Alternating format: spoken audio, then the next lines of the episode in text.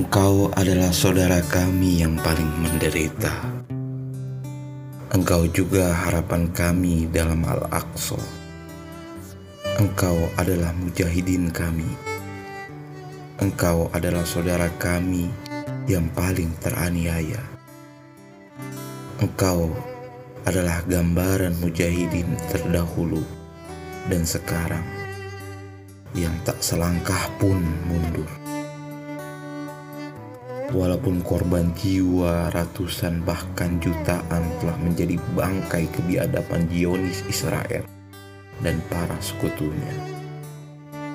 Engkau masih mengibarkan bendera Rasulullah untuk mempertahankan Al-Aqsa. Kalimat-kalimat takbir sering terdengar dalam pengungsian warga Palestina karena kebiadaban Zionis Israel yang menyerang warga-warga sipil Palestina. Entah apa yang terjadi, banyak media-media memutarbalikan fakta yang terjadi. Dalam kebiadaban mereka entah sampai kapan mereka bertahan untuk memfitnah saudara kami. Saudara kami yang engkau siksa dengan kau tutup akses air makanan, minuman, tapi mereka masih diberikan hujan yang turun di keningan malam itu bukti bahwa yang kau hadapi bukan lagi warga Palestina, tapi sang pemilik bumi dan langit.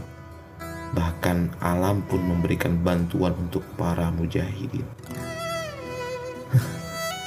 Tetapi lucu ya, di negeri ini yang mayoritas muslim, hal ini dijadikan sebagai konten atau sebagai topik pembicaraan mereka hanya butuh bantuan dan doa, bukan drama yang Anda buat.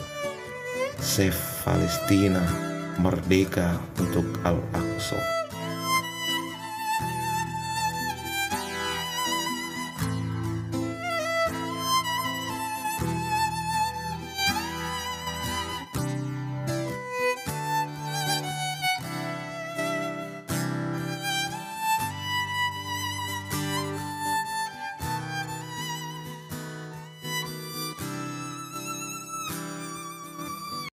Ada seorang anak yang setiap harinya harus berusaha untuk menjadi kuat.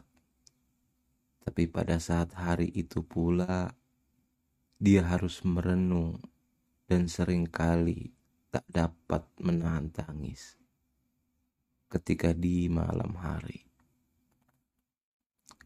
Karena merasa lelah menahan semua yang terjadi pada dirinya. Akan tetapi, dia adalah seorang anak yang hebat dan luar biasa karena telah sanggup untuk berjalan dan bertahan sampai sejauh sekarang.